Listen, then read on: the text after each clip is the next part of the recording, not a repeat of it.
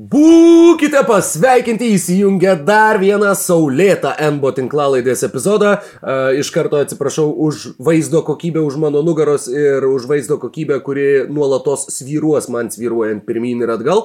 Tačiau uh, šią ankstyvą dieną man, o normaliems žmonėms vėlyvą popietę, pusę penkių Lietuvos laikų, Rokas Grajauskas ir Mykolas Jankaitis tradiciškai su jumis ir vėl susitinka pasidalinti savo mintimis apie tai, kas vyksta NBA lygoje ir pasidalinti pasidalinti įdomiausiais pastebėjimais, kuriuos mums pavyko pastebėti per pastarąją savaitę. Tad sveikas gyvas Mykolai. E, sveikas Rokai. E, turbūt didžiausias naujienos pastarą savaitę buvo išpirktų žaidėjų pasirinkimai atstovauti vienoms ar kitokioms komandoms. Um, labai buvo įdomu stebėti būtent reakciją, kuri įvyko, na, tiek Oldridge'ui nuvykus į Brooklyno Nets, tiek Drummondui nuvykus į Los Angeles Lakers. Apie tai, apie šių žaidėjų atitikimus komandoms mes pakalbėsime vėliau. Bet man akis užkliuvo būtent už vieną pranešimą, kad tam tikri komandų vadovai, mažesnių marketų, atsiprašau, mažesnių rinkų komandų vadovai teigia, kad šita kontraktų išpirkimo sistema yra, na, ne, nesažininga mhm. E, mažes, mažesnio, mažesnės rinkos e, klubų atžvilgių ir yra įdinga, žodžiu, ir yra dar vienas tas momentas, kuomet turtingas dar tampa turtingesniu. A, rich get rich.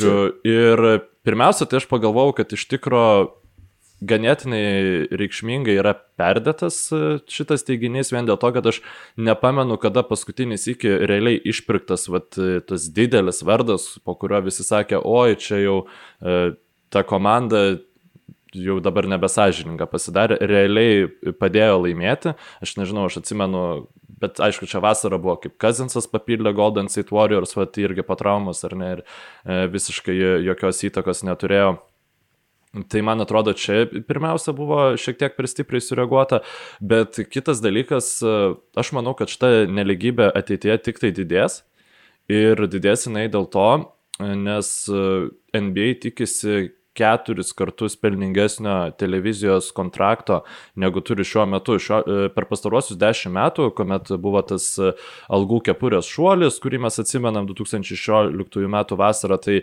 um, jie uh, turėjo 24 milijardų dolerių dylą sudarę su TTNT ir ten kitais productions. Mhm. Čia Dabar už, už visą dešimtmetį ta... ar? Taip, čia už visą dešimtmetį mhm. ir nu, 2,6 milijardo per metus kažkas tokio gaunasi. Čia neskaičiuojant e, pusantro milijardo dylo su Kinija ir taip toliau. Čia e, grinai mhm. va, tas pagrindinis TV teisų paketas.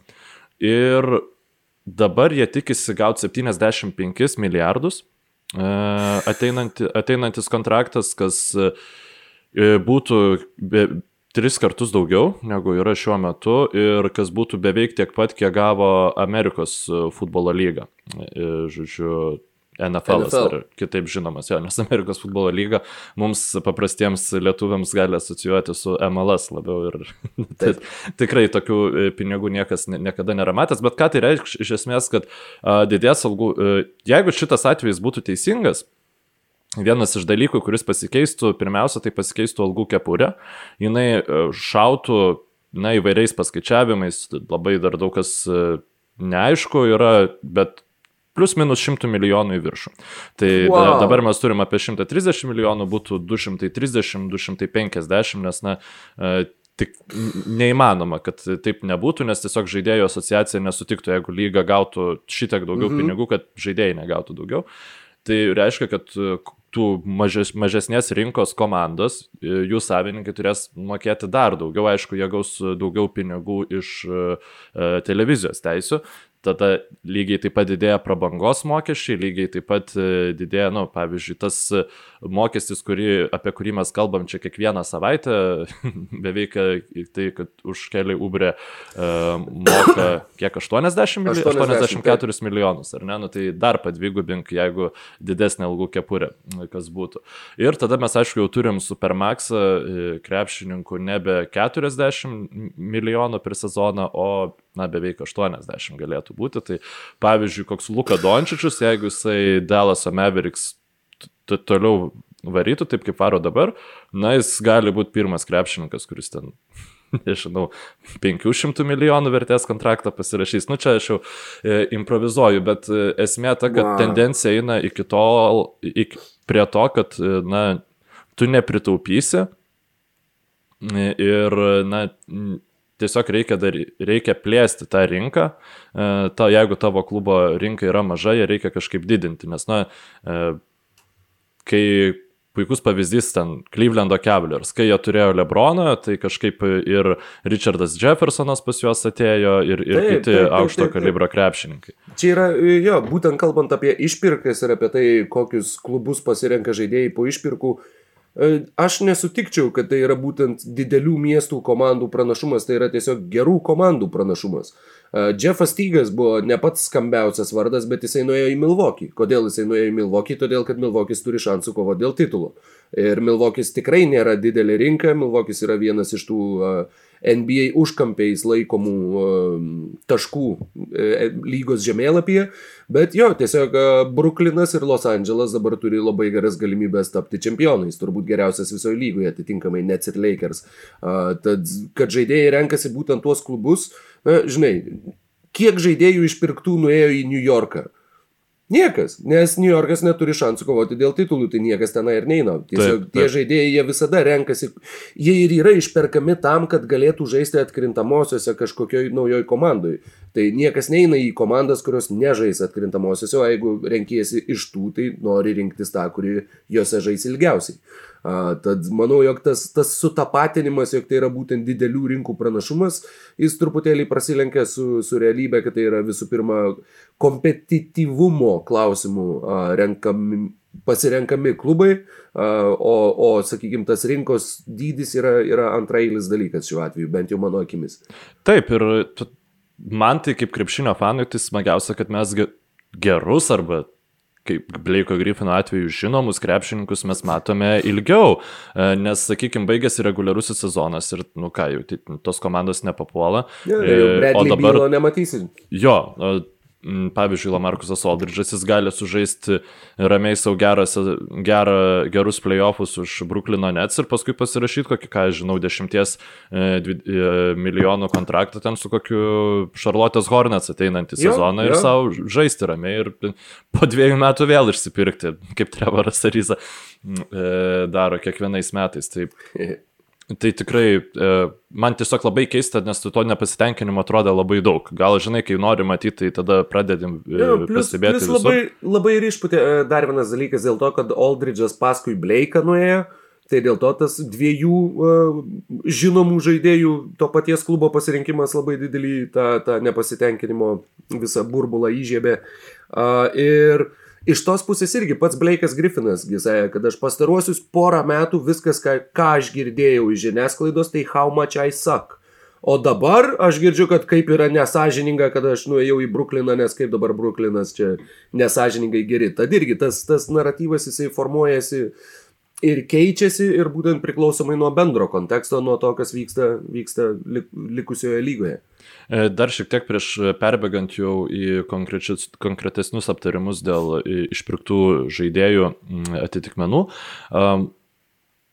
norėjau būtent dėl to, e, ką tas TV dealas, kodėl jis gali būti toks didelis ir ką tai galėtų reikšti, e, šiaip mums kaip žiūrovams, tai mano spėjimas būtų, kad kai jau jis bus pasirašytas, mes matysim um, daug daugiau rungtynių ankstesnių laikų, Tai yra mums mm. europiečiams palankių laikų. Aš manau, kad e, rungtynės, kurios netra, e, nebus transliuojamos nacionaliniu transliuotoju, bus irgi kaip nors platesniam teisėm padarytos ir sakykime, kad, na, puikus pavyzdys yra šių metų Premier lyga, kai jeigu mes anksčiau turėdavom visada ten penktą valandą Lietuvos laiku, prasideda penkios mm. rungtynės šeštadienį, ten penkios šešios ir jos vyksta visos vienu metu. Dabar, aišku, kai nėra fanų, E, tas rungtynės išskaido taip, kad, sakykime, vos ne kiekvieną dieną po kažkokį Premier lygos mačą gali vykti. Arba jeigu jau yra savaitgalis, tai e, kuo, kuo mažiau persidengimų, kad televizija galėtų susirinkti daugiau mm. pinigų. Aišku, at, atrodo, kad e, ženklai visi veda į kažkokią tai didžiulę gigantišką streaminimo platformą. nes aš tiesiog turint omeny, kad pačios televizijos reitingai NBA tai tikrai krenta, aš neįsivaizduoju, kaip būtų galima tikėtis vos ne keturis kartus dides, mm. didesnio kontrakto, tai panašu, kad na, tai kaip mes žiūrim į NBA irgi gali keistis ir kada mes NBA žiūrim irgi turėtų keistis, nes tikrai manau, kad NBA lyga neturėtų, turint omeny, kokios sumos vaikšto e, televizijų kontraktuose neturėtų labai e, stipriai sureikšminti e, namų rungtynių ir fanų. Nu, man mhm. tiesiog taip atrodo, kad e, vis dėlto tas pasaulinis prieinamumas prie NBA jiems turėtų būti tikslas, kurį jie bandys pasiekti su, su šitu išsikeltų didžiuliu tikslu pinigų. Jo, dar, dar, dar globalesniu paversti NBA jo, stebėjimą jo. ir jo, tiesiog faktiškai užimti daugiau planetos laiko zonų ir išskirstyti rungtynes taip, kad, jo, kad būtų galima teoriškai žiūrėti turbūt, nežinau, ketverias per vieną naktį, a, mūsų atveju naktį, mm -hmm. kitų atveju būtų diena, taip. a, kad jos tiesiog, kad vienos po kitų būtų sudėliotos taip, kad jo, tu atsisėdęs galėtum leisti laiką ir kiek čia, 12 valandų vos, ne? Žinai, spoksot krepšinį. Darbo dienom gal dar ne, gal dar aš čia per drąsiai sakiau, bet e, savaitgaliais Mhm. Tai tikrai taip, nes pavyzdžiui, šį savaitgalį buvo vienos rungtynės e, vidurdienį. Nu, ta prasme, kur mes galėjom pasižiūrėti vakare, tai buvo Hornets prieš Sans, tai yra blogiausias rungtynės, kuriuose buvo pratesimas, kurias aš mačiau per pastaruosius kelis metus, nu, absoliučiai tragiškas krepšinis, bet e, tai visiems buvo NBA krepšinis ir aš manau, kad e, jo turėtų būti daugiau, nes ypač savaitgaliais tai nei tu NBA rinkos daug prarandi, nei tu fanų prarandi. Aišku, e, tos jau nacionalinės aukšto kalibro rungtynės, aukšto kalibro akistatos, tai jos visada bus tuo laiku, kokiu ir buvo, bet tu pastumdydamas, e, sakykime, net, netokias įdomias rungtynės aplinkui, tu daugiau dėmesio gali suteikti, sutelkti į tą patį geriausią produktą. Tai, e, arba dar gali būti, kad Norėjau sakyti, kad gali mažėti rungtynių skaičius, bet ne, ne, tikrai NBA rungtynių skaičius. O žinai, kas, ar negali mažės. būti, kad irgi jeigu yra toks didelis um, milžiniškas kontraktas, ar negali būti, kad NBA bandys uh, paskui Premier lygą eiti link pay-per-view pay sistemos, uh, kad pardavinėti rungtynės uh, atitinkamomis sumomis? E, matai, šiaip jie jau bando tą daryti. Mm. Ne, jie jau pestų tą gali daryti daug metų. Jo, tiesiog, aš ir... noriu nusipirkti va šitas vienas rungtynės pažiūrėti. Man atrodo, kad ne. Man atrodo, kad e, ne, nes ypač reguliariam sezone jiem patraukliau žymiai yra tau parduoti tą visą, žinai, krūvą. Mhm rungtynių. Man atrodo, kad e, NBA lyga turi žymiai mažiau sakykime, NBA komandos žymiai mažiau lojalių fanų turi, kurie kiekvienas rungtynės stebi, nepaisant kas be nutiktų, priešingai negu kokia Premier lyga, kur, sakykime, ne tik e, ten Šiaurės Londono e, gyventojai seka arsenalo kiekvienas rungtynės, bet ir, sakykim, grybai Lietuvoje, kur NBA podcastus paskui rašinėja ir, ir, ir taip toliau. Žinai, vargšiai, vargšiai, koks siaubingas gyvenimas. Krepšinio su futbolu tikrai lygint visiems šitų aspektų dar, dar negalime. NBA pirmiausia E, visiems yra tas toksai bendro e, dalyko e, produktas, ne, ne, ne į vieną klubą suorientuotas, jeigu ypač mes kalbam apie tą bendrą pasaulinį kažkokį prieimą. Nu, čia mano nuomonė tokia, aišku, gali būti, kad bus kitaip, bet tikriausiai, kad nebus labai stipriai brukamas tas pay-per-view. Bet labai geras, labai man patiko šitas uh, įžanginis uh, tamstos monologas ir informacija, kur tikrai, tikrai manau, kad nedaugelis iš mūsų atkreipė dėmesį ir dar pasigilino bei pagalvojo ir paspėliojo, kur tai gali privesti ir kaip viskas gali atrodyti toliau. Tad labai labai tau ačiū, o po įžangos mes galim keliauti ir prie pagrindinės temos, kurioje ir pasistengsim paliesti ir visus žaidėjų išpirkimus įsigijimus. Tiesiog norisi apžvelgti tai, kaip atrodo NBA lygą ir NBA, sakykime, viršūnės, būtent artėjant jau reguliariojo sezono, faktiškai finišo tiesiai. Ir tą padaryti šią savaitę sugalvojom apžvelgdami NBA lentynas.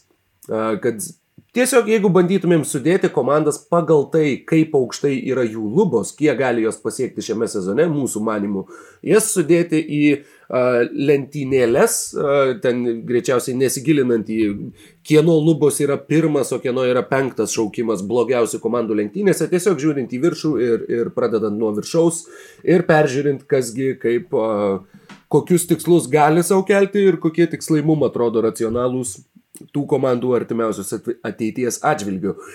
Tad, Mykulai, Pirmas klausimas, pirma lentyna. Pirma lentyna yra komandos, kurių lubos šiais metais yra NBA čempiono titulas. Ir pirmas klausimas yra, kiek komandų tu turi šitoje lentynoje? Aš turiu keturias ir aš tuos krepšelius gal labiau skirčiau negu ne pagal maksimalų geriausią atvejį, bet pagal tokį lubas, kurias aš nu, visai realistiškai manau, kad gali pasiekti. Mhm. Ne tai, kad, žinai, jo, jo, čia... e, ten, oi čia išsitraumuoja visi, e, visi mhm. kiti komandų krepšininkai. Teoriškai Šarlotės Hornets gali tapti NBA čempionais. Visada. Teoriškai tai yra jų lubos, taip, bet, bet praktiškai Jo, Tarp apie, kitko. Apie juos norėsis pakalbėti tu, dar atskirai. Jo, gerai, pakalbėsim paskui. Jo, bet... apreisim prie Šarlotės, nes Šarlotė yra viena iš karščiausių temų dabar NBA lygoje. Uh, tad, uh, okei, okay, mano, mano lentynoje viršutinėje yra šešios komandos, uh, kai kurių iš jų uh, tikimybės tapti NBA čempionu yra ženkliai mažesnės negu dviejų, mano manimų, pagrindinių ryškių favoritų, bet jos vis viena yra didesnės negu kad kitų uh, komandų, kuriuom tai yra iš vis astronominiai šansai, mano manimų, atsakau, kaip Charlotte's Hornets. Yra puikus to pavyzdys.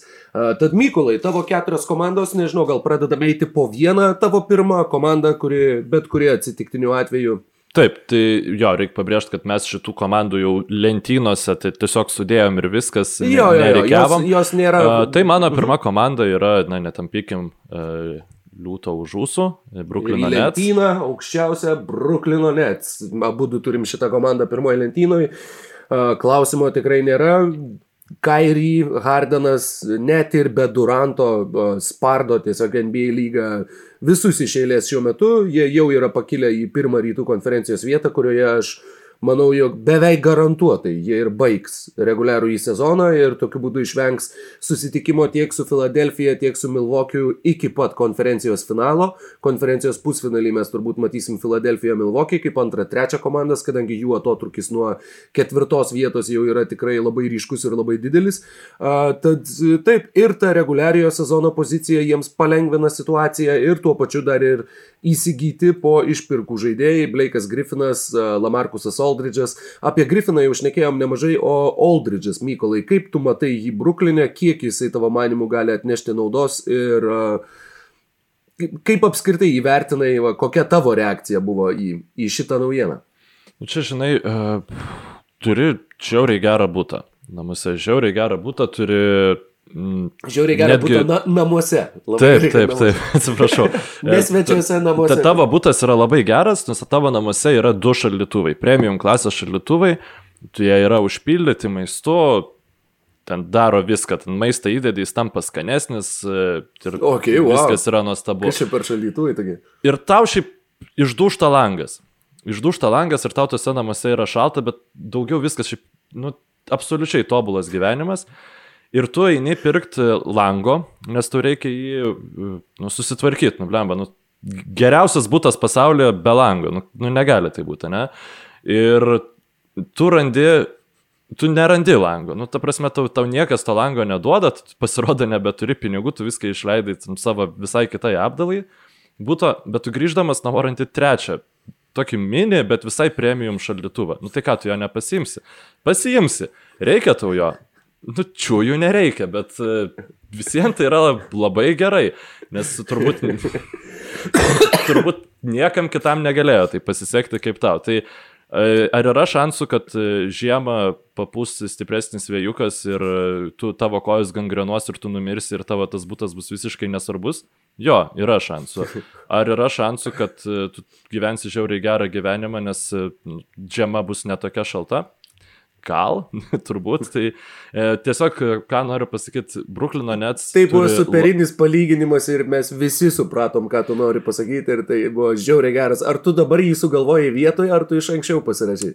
Ne, aš e, kopijuoju biški šiek tiek čia turiu pripažinti, kai nu. čia tiesiog, kai Arsenalas e, norėjo, e, buvo gandų, kad Arsenalas pirks antrą, Langą. antrą vartininką, žodžiu. A, Ir kai, nu, kas seka Arsenalą, žino, kad jau ko jau ko, bet antro vartininko už 20 milijonų nu, nereikia. Ir ten vienas podcast ir sakė, nu tai kam pirkti antrą šalituvą, kai... Mm. Taip.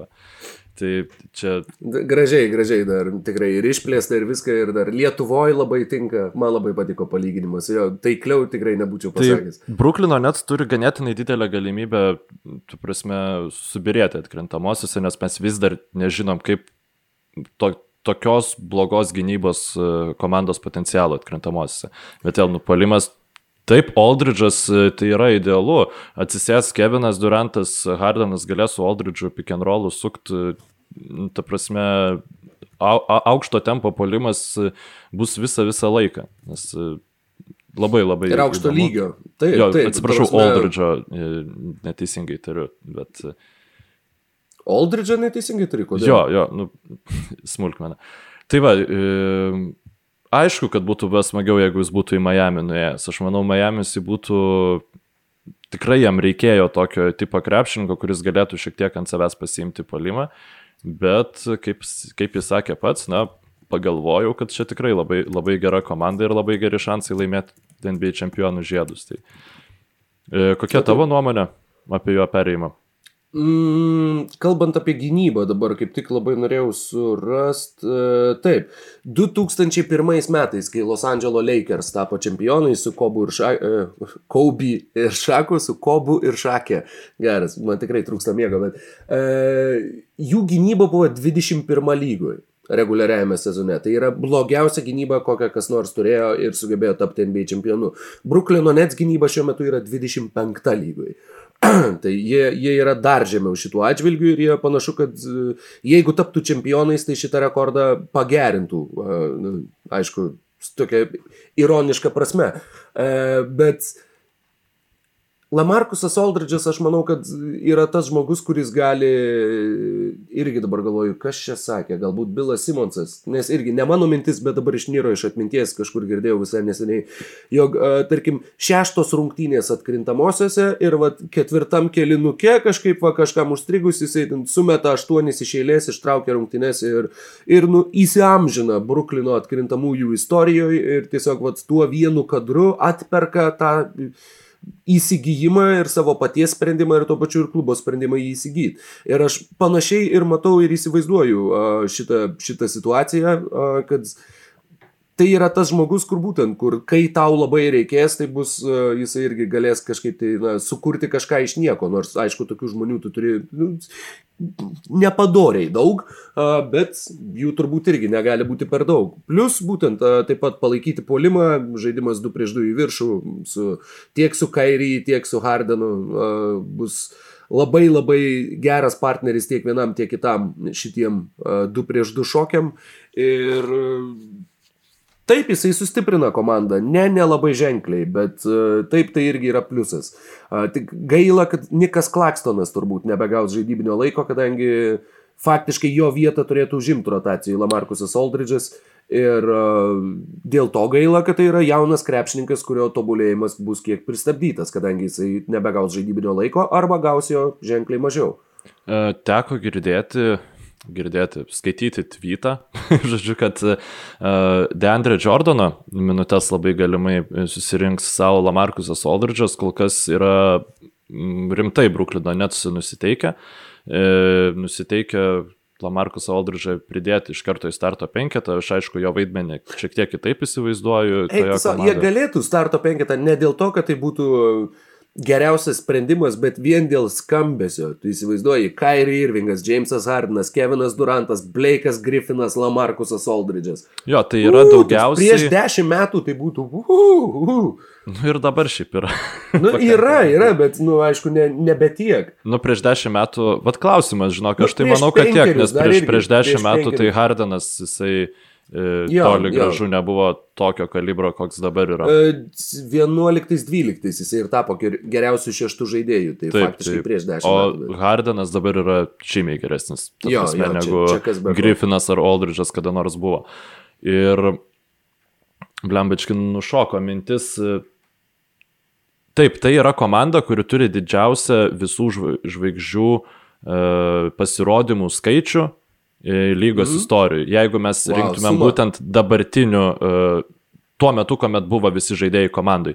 Ne, Aha. ne paskui, kad pasižiūrėtum, žinai, komandos sudėti ir va čia šitas tiek kartų Alstaras, šitas. Nu, pavyzdžiui, ten Thunder kokių 12 metų, ar ne, jeigu dabar susumuotum. Ne, bet būtent tuo metu, kai, kai žaidė. Tai aišku, Griffinas yra visiškai wow.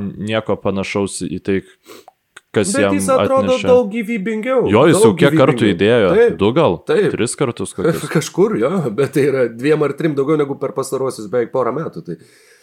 Taip, na, sakau, tik tai kartojantis problema tame, kad e, nei Aldridge'as, nei Griffinas e, Lango tų problemų, kurias turėjo, jo nesutvarko. Ir vat kartais baisu, aišku, Milwaukee Bucks irgi pati yra komanda strigus e, ant savo paties greblių paliktų atkrintamosiose lipus daugybę kartų jau, bet gali būti, kad e, nesusitvarkys su Janiu niekas ir tiesiog pralaimės tą seriją. Gali būti, kad net su Embidu nesusitvarkys ir Simonsu niekas. Na, bet... Teoriškai gali, bet praktiškai vis viena, mano manimu, nors e, šitoj viršutiniai lentynoje aš turiu tris komandas iš rytų konferencijos, bet šita yra na, viršutinės lentynos viršui. Nors sakėm, kad nereitinguojam šitų komandų ir to ir nedarom, bet tiesiog mano manimu jie yra labai ryškus favoritai rytų konferencijoje ir uh, Ir visoje NBA. Taip, yra, yra tų klausimų, bet jo, visoje NBA irgi, bet rytuose ypač. Rytuose Taip, ypač. Visiškai tų pritariu, lygiai tokia pati mano logika. Bruklino Nets iš rytų konferencijos yra vienintelė komanda, kurią šitą lentyną padėjau nedvėjodamas. Tai keliaujant prie kitos komandos, kurią turbūt mes abu su tavim nedvėjodami į lentyną padėjom. Tai kuri, vakarų komanda? Taip, kuri vasarą, ne vasarą, dievę, rudenį laimėjo čempionų žiedus, visi gyrė jos centrų rotaciją, Dwightą Howardą, Džamalą Magi, kokie puikūs, pigus ir gerai savo darbą atliekantis centrai. Jie tus, tų centrų atsisakė, sumokėjo 10 milijonų Montrezui Herelui, pasiemė Marką Gazolį ir, na, kad nenudegtų, tai dar vad pasiemė Andrė Dramondą. E, kuris uždirbs mažiausiai iš visų e, krepšininkų Los Angeles Lakers gretose. Tai kaip, e, kaip tu manai, Ar Tas Andrė Dramondas yra, yra labai saliginis, kadangi suma, kurią jisai uždirbs, jam nesikeičia, nesikeičia taip. nuo to, kad jį pasėmė Los Angeles. Tiesiog tą sumą, kurią jam išmokės uh, Clevelando Cavaliers, tai tuos 800 tūkstančių berots iš tos sumos sumokės Los Angeles Lakers. Dramondas visiškai tiek pat uždirba, kiek būtų. Man atrodo, jis praranda gal 300 tūkstančių kokių. Nu, lašas jūrai su jo kontraktu dabartiniu palyginus. Bet kaip tu manai, ar tas, ar, ar Dramondas realiai bus naudingas Los Angeles Lakers? Jo, jo, jo. Visų pirma, va dabar, kur yra 2-3 savaitės, kai komanda dar bus be Lebrono Jameso ir be Anthony Daviso, taip, Andre Dramondas bus žiauriai naudingas komandai. Ir jisai, aš manau, kad tenai, uh, kai jau šitas epizodas pasirodys, jisai bus sužaidęs pirmas rungtynės prieš Milvokio Bucks, kurios uh, laukia šį artėjantį rytą. Net ir ten aš manau, kad jis jau pirmose rungtynėse dvigubą dublį turės šimtų procentų, O ir apskritai, nežinau, dar iki 2020 gali irgi drąsiai ištraukti net per nereik nepersistengdamas. A, ir tai yra būtent šitai sezono atkarpai labai labai didelė paspirtis e, Lakeriam. Ir tuo pačiu ir atkrintamosiose varžybose tu gauni dar vieną e, didelį kūną susitikimams su e, Nikola Jokičium ar Rudy Goberu ar e, Joeliu Embidu, jeigu keliai suvestų finale. E, ir Frankas Vogelis taip pat akcentavo tą, kad, kad e, Dramondo gynyba, Dramondo aktyvios rankos, Dramondo uh, numušami, išmušami kamoliai uh, bus labai labai naudingi komandai tada, kai reikės žaisti prieš vidurio puolėjus, kurie dažnai žaidžia nugarai į krepšį arba inicijuoja komandos polimą, kitaip tariant, prieš Nikolą Jokičių. Uh, tad su šita mintimi irgi įimas buvo atliktas, manau, kad uh, toj vietoje jie negali turėti per daug rezervų, kadangi Montrezas Herelas, tu Mykolai nekartą sakėjo, na, yra lengva vakarienė Nikola Jokičiui, o, o Andre Dramondas bent jau gali jį labiau išvarginti ir apstumdyti ir labiau apsunkinti jo gyvenimą. Tad aš nežinau, jau dabar Andre Dramondas šitas rungtynes, kurios jums žiūrovai jau baigėsi, o mums dar laukia, e, pradėjo starto penketę, e, apie tai išnekėjo Frankas Vogelis, tad Markas Gasolis yra stumiamas ant atsarginių žaidėjų suolo nuo pat pirmos Andre Dramondo atvykimo dienos.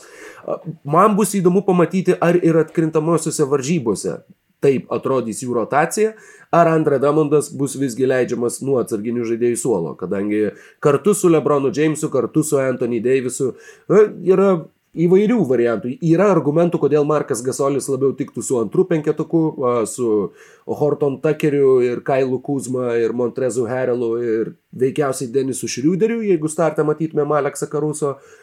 Ir Na, vienaip ar kitaip jisai ar žaisdamas pirmam ar antram penketuke bus naudingas, ypač reguliariam sezone.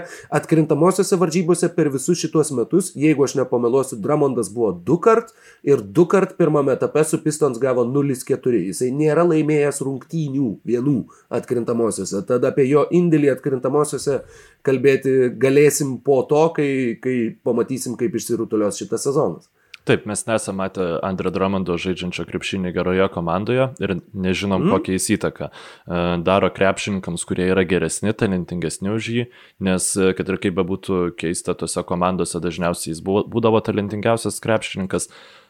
Mano nuomonė, e, jeigu bus serija prieš Denverio Nuggets, tai aš labai nustepčiau, jeigu Dramondas žaistų daugiau negu Markas Gazolius. Man atrodo, kad kiek aš jau esu stebėjęs Andrė Dramondo, tai, tai yra krepšininkas, kuris tiesiog neturi pakankamai sugebėjimų gaudytis gynyboje, kad galėtų gintis prieš įgūdžius turinčius centrus, tokius kaip Nikolo Jokičių.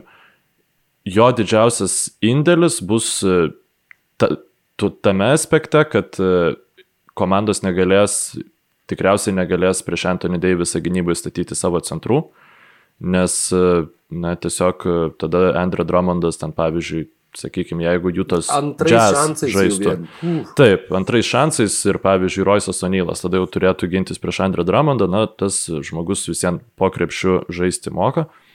Bet aišku, tai taip pat atveria ir problemų, tai yra užkišama, užkišama aikštelė, e, kiek, kiek tas žmogus moka žaisti be kamulio, nes jis iš tikrųjų kaip e, turint omeny pat, paties krepšininko profilį, jisai labai daug e, kamulio e, išbums, jis labai daug laiko atako sugaišta, bandydamas atsidengti ir prašydamas kamulio, kai e, krepšininkas prašo kamulio po krepšiu, tu tada jau iš esmės jam turi įduoti, nes nu, jis tada tiesiog yra nenaudingas ir tau yra užkišamas prieimas prie krepšio. Tai bus labai įdomu matyti visą šitą dinamiką, ar pavyks realiai Andrė Dramondui užimti tą, tą rolę, kurią užimdavo e, praėjusią sezoną Dwightas Howardas ir Džavelas Magi. Nes nieko daugiau jam daryti nereikia. Jeigu jis bandys Jau. daryti kažką daugiau, aš manau, kad jis gali būti meškos. Aš manau, paslauga. kad nebandys. Aš manau, kad nebandys, nes tu žaidži su Lebronu Jamesu. Tai tu žaidži ne su Kentavijus Coldwell Paupu ir Markyfu Morrisu, nors su jais abiem irgi žaidži.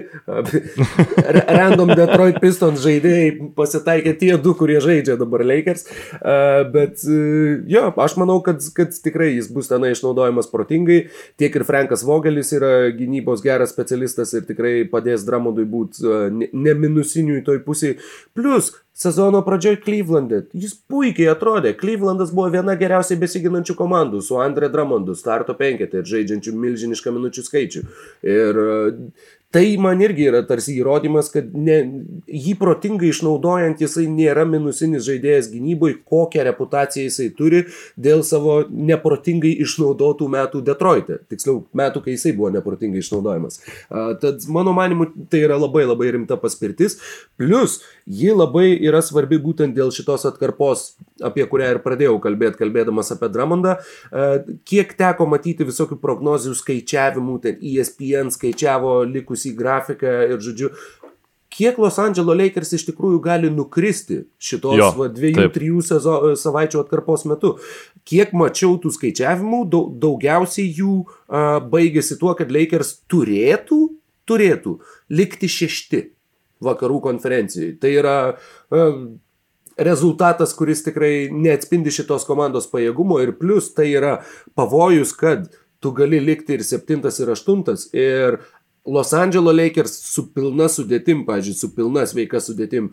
Nu, atmetus Bruklino Nets, aš faktiškai nematau komandos, kuri galėtų realiai prieš juos laimėti serijoje iki keturių pergalių. Bet jeigu ta serija yra iki vienos pergalės, jeigu tu užėmėjai aštuntą vietą, Tai tada visiems iki dviejų pergalių. Nu, ta prasme, ne, ta... iki vienos, jeigu tu žemėjai aštuntą, jiems užtenka tai, vieną. Jo, jiems užtenka vienos ir tada tu jau žaidži dėl devintos, dešimtos vietos. Ir, na, labai sunku įsivaizduoti, kad Lakers, jeigu ir nukristų į įkrintamasias, kad jie iš jų neišeitų. Bet juose aš manau, kad tas tas nenuspėjamumo faktorius yra nepalyginamai didesnis negu žaidžiant serijoje iki keturių pergalių. Tad jie tikrai labai labai nori to išvengti ir Andrė Dramondas yra labai labai laiku ir vietoje atvykstantis papildymas šiai užduočiai. Šitam argumentui ginčių jokių neturiu ir, ir turbūt jeigu aš galėčiau rinktis, kaip Andrė Dramondą išnaudotų Los Angeles Lakers, tai jisai, e, kol visi pasveiksta, žaidžia po 36 minutės, padeda Lakers išsaugoti gerą poziciją reguliariajam sezone.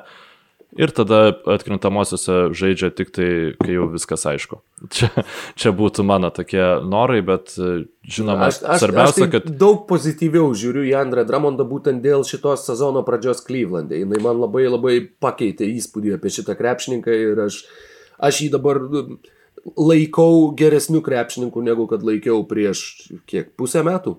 Gerai, įtikinai mane. Aš irgi galvoju, kad nu, Velnas, Lebronas iš Timofėjaus Mozgovo padarė 64 milijonus per sezoną uždirbantį krepšininką. Tai... Ne per sezoną, per keturis, bet jo. E, atsiprašau, jo. E, tai galbūt ir iš Dramando pavyks tą padaryti. E, kita lentyna komandai, Rokai. Kita, le, kita, kita lentyna, komanda lentynoje. Kita komanda lentynoje. Tuomet grįžtam atgal į rytų konferenciją.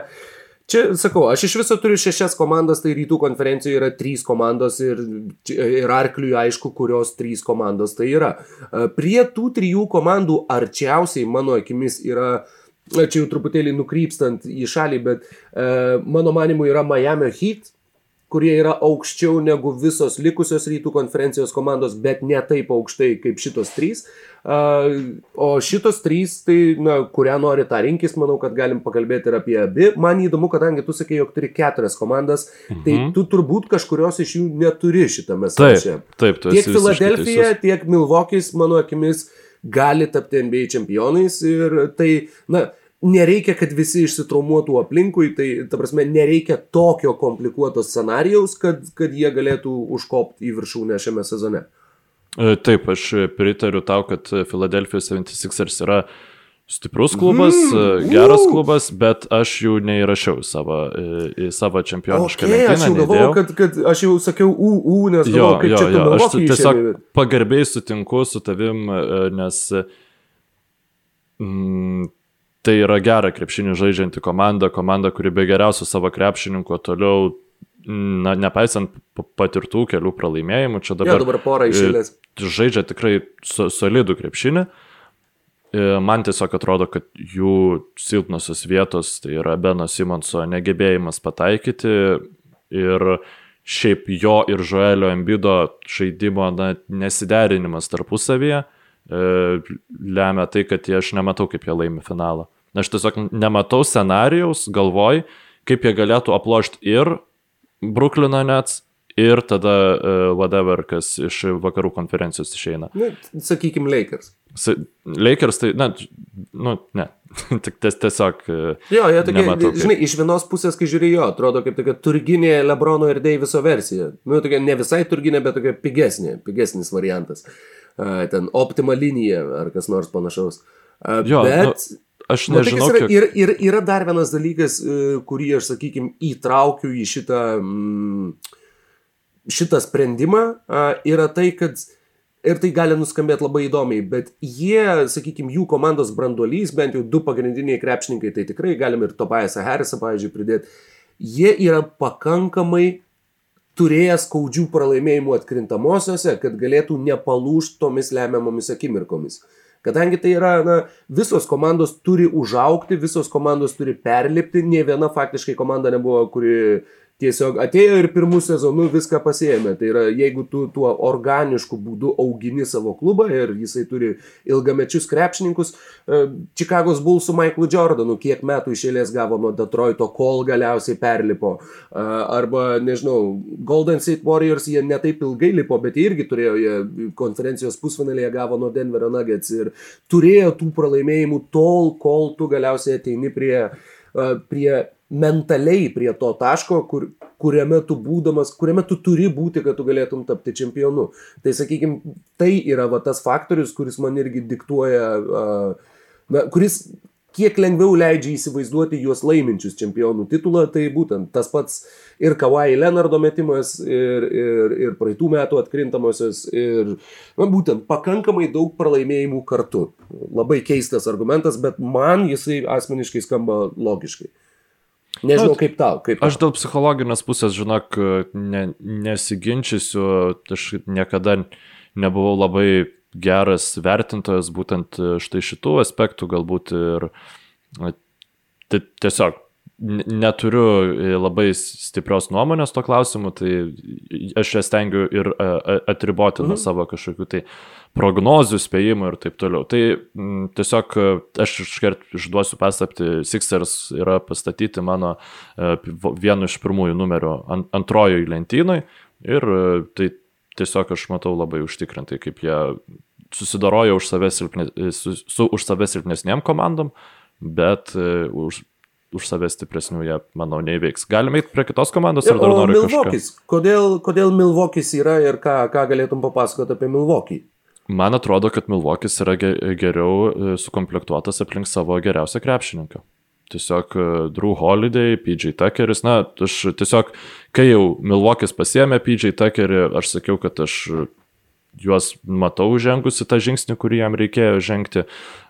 Ir aš lieku prie savo sprendimo, nepaisant to, kad, sakykime, taip, PJ Tuckeris nežyba e, kol kas, bet tai yra pakankamai normalu, jisai net neturėjo, nebuvo geroj formai visą sezoną, aš tikiuosi, kad jis į ją įsivažiuos. Ir, na, Jeffo Tygo pastiprinimas galbūt šiek tiek entuzijazmo numušė, nes buvo kalbų, kad Ostinas Riversas būtent papildys um, Milwaukee Bucks gretas.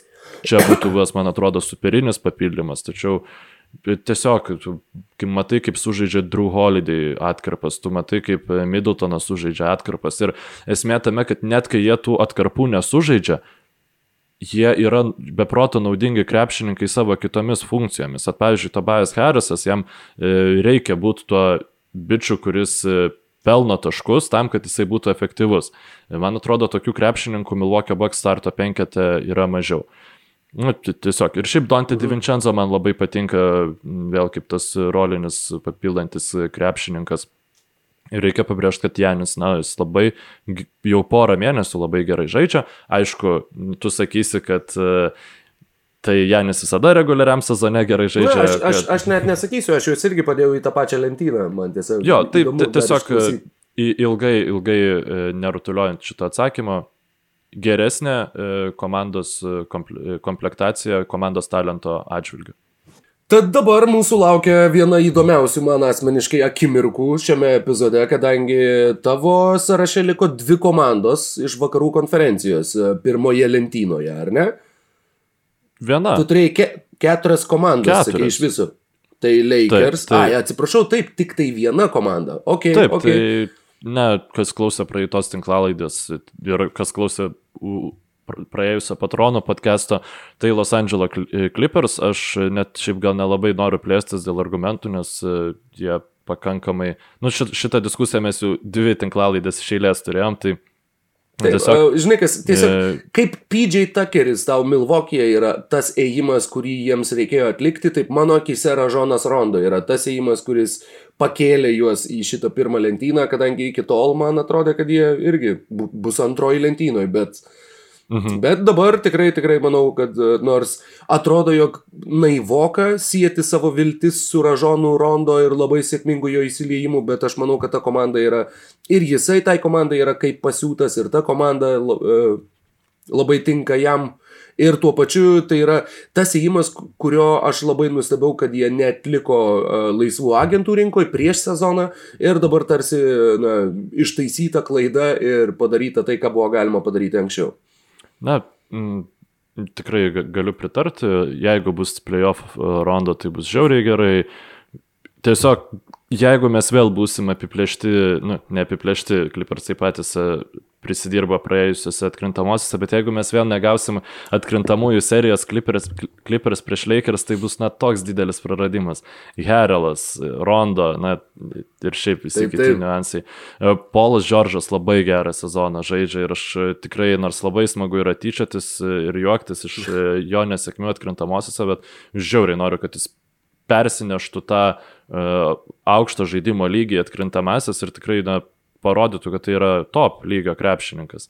Tai prasme, kad mes jį atsimintumėm kaip top lygio krepšininką, o ne kaip bičią, kuris uh, gerai žaidžia reguliariam sezone, kažkada jo, gerai žaidė uh, už Indianas Indiana. Pacers, kur mm -hmm. ten paskui, žinai, kai jau nebeatsimeni tų realiai rungtynių pačių, tai gali nurašyti, ai, ten buvo gera sistema, žinai, ir taip toliau. Nes, nu... Ne, ne, jis ten traukė, bet mane atsimenu, kad labai stebino, kai pirmą kartą pamačiau būtent tada ir uh, komentavau, kai jie žaidė konferencijos finale su Heat 2014, tai labai nustebau, Taip. kaip, kaip žiauriai jie vien per Paulą Džordžą žaidžia, kaip buvo tiesiog jo rankose kamuolys ir jisai daro, ką nori ir dažniausiai žaidžia ISO. Uh, tai, mhm. tai vat tą atsiminimą turiu iš tų serijų, kad, kad jo, jie viską visiškai darė per jį. Ir tai netgi kartais netrodė gerai, sakykim taip. Na taip, ta komanda iš vis tokia, nu, specifinė labai buvo ir labai mm taip susiklikino ten viskas ir paskui, kai sugriuvo tas brandolys jų ir jie vis bandė kažką, nu, vis pakeisti, ten Montelisas paskui jau atėjo, galiausiai jiems nesigavo, nes ten to, tokio specifinio talento krepšininkai, ten Vestas, Džordžas Hillas, Rojus Roy Hibertas, tą vieną gerą sezoną turėjęs. Nu, tiesiog jie kažkaip visi tiko vienas kitam ir tas, nu, Labai, labai smagi komanda buvo. Jo, jo, ir tada labai subirėjo vieną detalę. Vietoj Stevensono Evanas Turneris ir, ir jau Labanak. Nusako, sako, kad dar tad... Grangerio tas e, paleidimas, na, ganėtinai daug įtakos turėjo. Ne, jo, ne dėl krepšinio paties, bet... Jo, dėl to, kad komandos buvo labai klyjei rūbiniai. Uh, tad, pas tave dar viena komanda. Clippers taip, ir pas mane liko dar viena komanda. Aš turiu dar vieną komandą iš vakarų, kuri yra aukščiausiai lentynoj. Uh, tai gali būti truputį netikėta. Dabar o, pasižiūrėjau netikėta? į... Dabar pasižiūrėjau į užrašus, supratau, kad tiek daug turėjau apie Lakers prisirašęs, ko dar nepašnekėjom, bet galbūt dar turėsim laiko. Uh, ta komanda yra Denverio Nuggets. Denverio Nuggets, aš manau, kad irgi, sakau, tai turi būti kažkiek tai sėkmės scenarijaus, bet jis, jis neturi būti, tas scenarijus neturi būti nerealus, kad jie galėtų išlysti ir kad jie galėtų uh, šiais metais pasimti viską. Aš visai, visai tikiu, kad Denveris gali būti ta komanda, kuri, kuri iš visos šitos COVID balos išplauks, e, kaip čia išeina, ne, ne pilvų į viršų, pilvų į viršų tai kaip paskesta žuvis. Na, žodžiu, išpla, išlips sausai iš balos ir išplauks su trofėjumi. Jo, Denverio Nuggets be abejo, nes pas mane yra antroje lentynoje, na niekaip negalėčiau jų dėti žemiau, bet negalėjau dėti ir aukščiau, man atrodo, kad tiesiog visos tos keturios komandos, kurios turiu anksčiau, aš manau, kad aukščiau, aš manau, kad esant normaliam sveikato, sveikatos balansui, E, yra pajėgios apžaisti e, Denverio Nuggets. Jiem, jiem reikia kelių dalykų. Taip, jiem reikia, kad Džemalas Mariai vėl žaistų, kaip žaidė pernai burbulė, jiem reikia, kad Daronas Gordonas puikiai įsilietų. Jų starto penkete Vilas Bartonas man kelia abejonių, kaip e, ar tu tikrai gali laimėti NBA čempionų titulą, jeigu Vilas Bartonas yra tavo starto penkete. Na, nu, žinai, Bet... jeigu Vilas Bartonas būtų ves pernai metų Lakers starto penkete, aš manau, ja, jie būtų. KCP, taip, nu, tas pats, žinai, bet, taip. bet uh, taip, manau, kad tas, tas ketvertas, kurį jie sulibdė, tai Murray, Porteris, Gordonas ir Jokičius yra labai labai perspektyvus ir būtent iš, iš tarpusavio vienas kito papildymo taip pat turi labai labai daug potencialo ir būtent tas įimas su Gordonu ir su Džiaveilu Magi taip pat pakėlė šitą komandą ir jos, jos lubas mano akise. Ir Denverio Nuggets Taip, sakau, net, net nežinau, ką papildomai pasakyti, bet uh, man atrodo, kad taip, jie gali. Ir jeigu jie išeitų į finalą, uh, Tai taip pat būtų, aš juos matau laiminčius, nes jeigu jie išeina į finalą, vadinasi, toj komandoje viskas labai gerai uh, susitvarkė ir jie žaidžia labai aukštų lygių. Ir tokiame lygyje žaisdami, mano akimis, jie gali pasiekti tą lygį ir tokiu lygiu jie žaisdami, jie galėtų net ir susitvarkyti ir finale. Kiek komandų turėjo antroji lentynai? E, aš tau sakiau prieš. A, taip, sorry, sorry. Tai aš tada- Aš neturiu daugiau lentynų. Taip, aš, aš pradėsiu e, e, savo antrą lentyną, na, manau, e, nesunku atspėti, kad Jūtos Jazz geriausia. Taip, tai yra, tai yra, kas, tai yra komandos, kurios daugiausiai gali pasiekti finalą, taip? Taip, taip, antra lentyna, kuri daugiausia gali pasiekti, e, žodžiu, um, fin, finalą, konferencijų finalas labiau. Jo, labiau nes, nes su, su būtų. Jutos atveju taip, aš manau, kad, jie, kad jie, jų lubos yra konferencijos finale, turbūt visgi. Jo, nu, aš, aš taip, žinok, net ir pasirašęs esu čempionai ir tada pasirašęs konferencijos finalas, nes man atrodo, kad e, tiek vienu, tiek kitu atveju, sakykime, galbūt Philadelphia 76ers būtų vienintelė ta komanda, kuri aš matau kaip laimi rytų konferenciją, bet niekaip nematau kaip Aha, laimi aha. čempionatą. Na, taip, tai taip, dėl nes vienos komandos. šita, šitas labai, labai sunkus, e, jo, Jo, labai e, sunku tai- išskirti. Tiesiog aš pasirašiau konferencijos finalas kaip Tai antra lentyna ir yra. jo. reali perspektyva. E, Tai būtų Jutas Jazz. Žodžiu, mhm. irgi kalbėjom ganėtinai nemažai apie šitą komandą pastarosiam tinklalaidėm, kažko uh, naujo uh, pridėti labai neturiu. Labai efektyviai, gerai susilipdžiusi komanda. Ir... Šiuo metu šešios pergalės iš eilės, e, tad ir, ir vėl žaidžia laiminti Net krepšinį. tu man rašai, kad jie nepralaimėjo nei vienų rungtynių. Jo, e, šį jo, sezoną. teisingai, teisingai. E, Ne šį sezoną, tačiau E, šiais 2021 kalendoriniais metais namuose jie dar nėra pralošę niekam. Taip, Niekam. taip, taip, taip, atsiprašau. labai dėl įspūdingas suklaidinimo. Taip. Tai Rudy Goberas žaidžia puikiai, Donovanas Mi- Mitčelas žaidžia irgi ganėtinai gerai, bet kaip ir minėjau, to anksčiau, to charakterio, vad būtent, apie kurį aš jau sakau, dažniausiai stengiuosi atsiriboti, bet nugalėtojų mentalitetų jiems trūksta ir man atrodo, jiem- jiems elementariai trūks e, opcijų polime prieš geriausias komandas, prieš geriausias gynybas.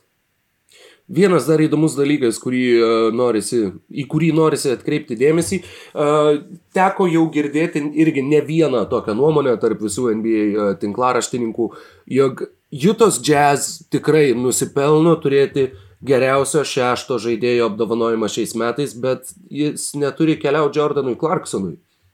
Ir Joe Inglesas yra įvardinamas dabar kaip žmogus, kuris daro dar didesnį įtaką ir yra dar svarbesnis kildamas nuo suolo. Inglesas e, 49 procentų taiklumu šiais metais meta tritaškius, yra antras lygoj po Tony Snello, kuris kažkodėl meta tritaškius 57 procentų taiklumu. Sugalvojo šiais metais, kad jis tiesiog pataikys viską. Ir e, kalbant apie Inglesą, 12 taškų, 4 atkovoti, 4 rezultatyvų, statistika nėra stebuklinga, tačiau būtent tas man pasirodė labai įdomus e, argumentas, kuris jau ima e, skambėti, kad tie Clarksono renkami taškai nėra tiek naudingi, kiek bendras Ingleso indėlis į komandos žaidimą.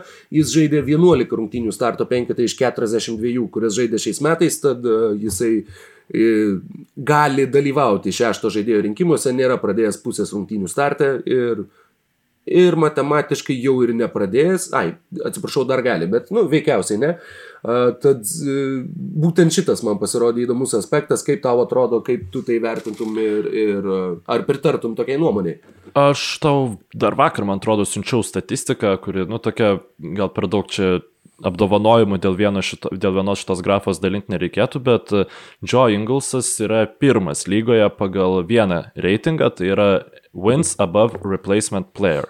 Tai žodžiu 4,73 pergalės prieš e, ana, analogišką vidutinę tos pozicijos ir to kontrakto krepšininką. Žodžiu, toksai akumuliuotas e, rodmuo. Vienas jis pats nieko nepasako, bet tą tavo tai tavo minčiai pagrysti, kad jisai nusipelno, o ne Jordanas Clarksonas šešto žaidėjo apdovanojimo. Netgi sakyčiau dar iš dalies ir dėl to, kad jisai yra visiškas Jutas Jazz simbolis, šitas krepšininkas. Ir, uh, sakykime, toje pačioje grafoje Jordanas Clarksonas yra uh, devintas. Tai irgi mm. tikrai gerą sezoną žaidžiantis krepšininkas. Jo, būtų žiauriai smagu, jeigu Inglesas gautų Plius- apdovanojimą. Jo, aš, aš būčiau labai labai už. Uh, plus kalbant apie tas lubas, uh, žinai, dar nuo Golden State Warriors yra ta, ta tokia stigma išsilaikiusi, nors Warriors kaip ir ją sulaužė, bet kad metikai, na, žodžiu, komanda, kuri yra itin priklausoma nuo metikų, netaps NBA čempionais. Ir Jutos Jazz yra daugiausiai tritaškių metanti komanda, taip jie juos meta fenomenaliai taikliai, tačiau kai tu esi taip priklausomas nuo tolimų metimų, Houstono Rockets gali paliudyti, kad atkrintamosiose varžybose gali būti labai sunku. Ir, jo, plus jie, jie neturi, neturi Jameso Hardeno kalibro krepšininko taškams gaminti. Na, Taip, tiesiog ir, ir reikia pripažinti. Po, poziciniam puolime atkrintamosiose varžybose, kai tempas sulėtėja, jiems bus daug sunkiau negu kad šiuo metu yra reguliariajame sezone. Plus uh, jie dar ir dėl to skina pergalės, kad jie, jie labai gerai tvarkosi su prastomis komandomis. Uh, tai yra tomis, kurios turi neįgiamą pergalių ir pralaimėjimų balansą, tuoj pat surasiu tikslų skaičių, tas skaičius yra 18 pergalių ir 5 pralaimėjimai, tiesa, ir prieš geras komandas 17 pergalių, 6 pralaimėjimai, bet jie yra, jie yra labai labai gerą sistemą turinti komanda ir tokios komandos labai gerai atrodo reguliariam sezone, Bet atkrintamosiose, kai tiesiog pasiruošimui rungtynėms komandos skiria daug daugiau laiko, kai yra išskautinami varžovai, kai dabar šitam sezone na, to komandos faktiškai net nelabai iš viso turi ką, kada daryti, kadangi rungtynės yra sudėtos labai tankiai, treniruočių tu faktiškai neturi ir to pasiruošimo tokio tikrai nėra. O atkrintamosiose varžybose situacija bus visai kita ir ten, sakau, Juta, Juta susidurs su daug sudėtingesniais uždaviniais Ir na, tikiuosi, kad jie sužais gerai, tikrai, tikrai nelaikau kažkokios pikdžiugos ir nelauksiu, kad jie pralaimėtų, kad iliustruotų mūsų teiginius, bet, bet man atrodo, kad taip, kad tos Los Andželo komandos ir Denveris turi geresnės galimybės uh, tapti čempionais negu Jutos Jazz, nepaisant to, kad jie greičiausiai užims pirmą vietą vakaros. Kita komanda mano lentynoje, na, neoriginalu, tiesiog e, pagal užimamą vietą Phoenix'o Suns. E, Bukeris, Polas, va, čia yra tas, e, aš manau, kad Bukeris siautės šitose atkrintamosiose, bent jau pirmame raunde, tai tikrai matysim tokių rungtynių, kad ohoho. Krisas Polas, nu duok dievę, negautų traumas kokios nors. Ir Beje, aš mane... labai nustebau, mm, e, labai atsiprašau, kad įsiterpsiu, bet e, specialiai vat, būtent dėl to argumento, dėl Kriso Polo traumų atkrintamosiose, nes nu, jis kasmet, kasmet, atsimenam, Taip. kad kasmet visą laiką jam kažkas tai būna, uh, bet su tuo kažkas tai būna, toj pat pasakysiu, uh, visos Kriso Polo karjeros rungtynės.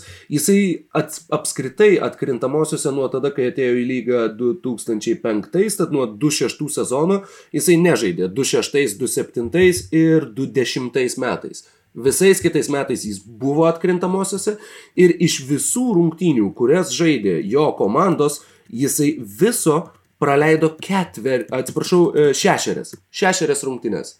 Tad tai tikrai wow. nėra toks skaičius, kuris na, at, atrodytų, kad jis daug didesnis turi būti. Bet, nu, tiesiog jis uh, tas traumas lemiamų momentų gauna, kai... Jo, tai buvo Clippers serija. Vakarų ta... konferencijos finalas, jo, Houstonas prieš Golden State Warriors 2018, šitą visi atsimenam. 2016 jie pirmam etape gavo nuo Portlando, uh, Polas nežaidė penktose, šeštose, tada nežaidė ir Blake'as Griffinas. Jo, ten Austinas. Riversas uh, karjeros rungtynės, man atrodo, žaidė, aš dar atsimenu, virtuviai žiūrėjau e, pabaigą tų rungtynių ir paskui jau egzaminą laikyti, berots kažkokį, ar, ar tai kažko daryti. O, jo, o 2015 vienas... jisai e, nežaidė pirmose dviejose rungtynėse prieš Houstono Rockets, toje serijoje, kurie gavo 3-4 iš persvaros 3-1. Ten, kur jis nežaidė, buvo 1-1, jisai vėliau grįžo ir žaidė visas likusias rungtynės, bet, bet uh, Clippers vis viena sugebėjo paleisti tą seriją. Tad sakau, man čia pasirodė žiauriai įdomu, kad nu, atrodo, kad daug daugiau jisai praleidęs tų rungtynių turėtų būti, bet nevelnio. Tik tai šeši praleisti susitikimai, kai viso atkrintamosiose varžybose Krisas Polas per savo karjerą yra sužaidęs 109 rungtynės. Ir dar, kalbant apie tas 109 rungtynės, taip, Polas jūsų žaidęs daug. Jay Crowderis yra daug atkrintamųjų ragavęs krepšininkas, bet kai tu esi komanda, kurios trys starto penketo žaidėjai nėra nie karto žaidę atkrintamosiose, man tikėti, kad tu turi labai aukštas lubas irgi yra labai sunku. Tu tiesiog, tu, ne, tu dar nesi pajutęs to intensyvumo, tu nežinai, kaip tai atrodo, tu esi tą matęs iš šalies, bet tu nesi buvęs tame veiksme ir adaptacinis tas, sakykime, periodas arba tiesiog patirties tame uh, turėjimas yra labai svarbus elementas sėkmiai. Ir Devinas Bucheris, Deandre Eitonas, Michaelas Bridgesas, dar ir Kemas Johnsonas kylantis nuo suolo, visi yra apskritai nulį atkrintamųjų varžybų patirties turintys krepšininkai. Tad, tad būtent šitas uh, argumentas man labai labai muša Phoenixo lubas, uh, kalbant apie, apie jų tolimiausią įmanomą įsivaizduojamą racionaliai žygį atkrintamosiose. Tai tu nemanai, kad šiaip jie galėtų iki finalo nueiti vakarų konferencijos? Vakarų konferencijos, jo, jo tai ir yra lubos, tai ir yra šita lentyna, tai yra, kuri, į, kurią okay. mes, į kurią mes dedam juos. Nes aš tai irgi manau, kad tiesiog jeigu Lakers ir Clippers būtų susitiktų antrame raunde, kas yra labai įmanoma, tai tada tiek Suns, tiek Jazz, tiek tiek Nuggets. Žinai, kas dar yra pakankamai įmanoma, jeigu Lakers iš tikrųjų užima šeštą vietą, kaip, kaip ekspertai prognozuoja, kad Clippers užima trečią vietą. Ir gali būti, kad mes matysim tą Los Andželo mūšį pirmame etape, kas, kas skamba nu, neįsivaizduojamai. Svarbu pamatyti. Svarbu pamatyti. Svarbu pamatyti. Aš irgi būčiau už, nors būtų gaila, kad kažkuri iš komandų uh, daug anksčiau baigtų savo žygį, bet, bet tai būtų ta pirmojo etapo serija kaip uh, 2015 15, jo, uh, Clippers prieš Spars kai Spars gynė čempionų titulą ir ten buvo epiška septyniarių rungtynių serija, kur Polas su buzzer beateriu per Dankaną laimėjo seriją Clipperiam. Tai, tai būtų va tokio lygio ir tokio įsimintinumo serija ir jinai tikrai papuoštų pirmą etapą, nors ir labai skaudžiai nuskausmintų pralaimėjusią komandą. Ir paskutinė komanda e, konferencijų finalo lentynoje pas mane yra Miami Heat. Na, Miami e, Heat. Labai jokinga, nes dabar, jeigu viskas liks taip, kaip yra, tai jeigu jie bus aštuntoje vietoje, ne, tai tikrai net nemanau, kad turi šansų papulti konferencijos finalą. Jo, jeigu bet etape, aš tiesiog labai, duodu, labai. duodu avanso, e, nes ten kiek skiria viena, viena pergalė juos nuo ketvirtoje vietoje esančių Charlotte's Hornets. Ir Jimmy Butleris, Bemas Adebayo, na, matėm atkrintamosiose, ką jie gali ir man tiesiog tai atrodo komanda, kuri e, pakankamai rimtai gali pasipriešinti net ir Filadelfijos 76ers. Kokie. Net ir tam pačiam Brooklynui, aš įsivaizduoju, taip, kad jie, taip. na, šešerių rungtynių seriją jie išpeštų. Aš ne, nesakau, kad jie laimėtų, bet jie tikrai pasispardytų ir jie tikrai, tikrai ten, uh, tikrai Brooklynui lengva nebūtų. Jo, tai daugiau kažko taip e, labai pakomentuoti ir neturiu. Na, kaip, jo, tai irgi tai yra patirtis. Tai, tai, tai, tai yra tai, kad jie, jie žino, kaip nukeliauti labai toli. Ta padarė dar visiškai neseniai ir, ir tuo pačiu ir tas komandos mentalitetas, komandos charakteris, jie turi tą, tą sakykime, nepalūžimo faktorių ir, ir jisai jiems labai padėjo pernai ir manau, kad turėtų padėti ir šiais metais. Todėl sakau, taip, jie yra vienintelė ta aukštesniai kategorijai, aukštesniai lentynoje rytuose esanti ketvirta komanda. Dėl vakarų turiu porą klausimų, pavyzdžiui, Portlando Trailblazers, Dallaso Mavericks, Ar tu nematai jų kaip nueinančių iki konferencijos finalo komandų? Nu, matai, realu, kad e, Dallaso Mavericks e, neužims aukštesnės pozicijos ir jiems teks žaisti prieš... E, na taip, prieš Phoenix'o Suns gali laimėti, bet man kažkaip atrodo, kad Man atrodo, kad ne. Nu, tiesiog e, aš, aš, mhm. aš manau, kad uh, tikriausiai. Aš ne, aišku, Phoenixas, uh, Dallasas statyčiau už Dallasą. Nes jie turi geriausią ne, krepšininką šitoj serijai. Taip, bet antras jų geriausias krepšininkas tikėtina neužbaigs tos serijos. Man kažkaip, vat, jeigu dėl Kriso Polo mes labai traumų daug nuogastavom, tai Kristaps Porzingis, na, ypatingai traumom uh, prieinamas krepšininkas. Ir faktiškai beveik man atrodo, kad nežaidės. atkrintamosiose, kuomet suintensyvėja tas krepšinis, kuomet uh, tenka didesnis fizinis krūvis, jo vat, traumos tikimybė m, tampa dar didesnė. Ir uh, man atrodo, kad per daug kortų turi sukristi palankiai, kad ir mhm. pirmame, ir antrame raunde uh, Mavericks sakykime, turėtų realius šansus laimėti prieš savo oponentą. Tai dėl to aš. Aš, aš vien, ne, ne... vien uh, atsiprašau, bet vien dėl Luka Dončičiaus aš juos dėčiau kaip konferencijos finalo lubos turinčią komandą į ištaisytą mhm. lentyną.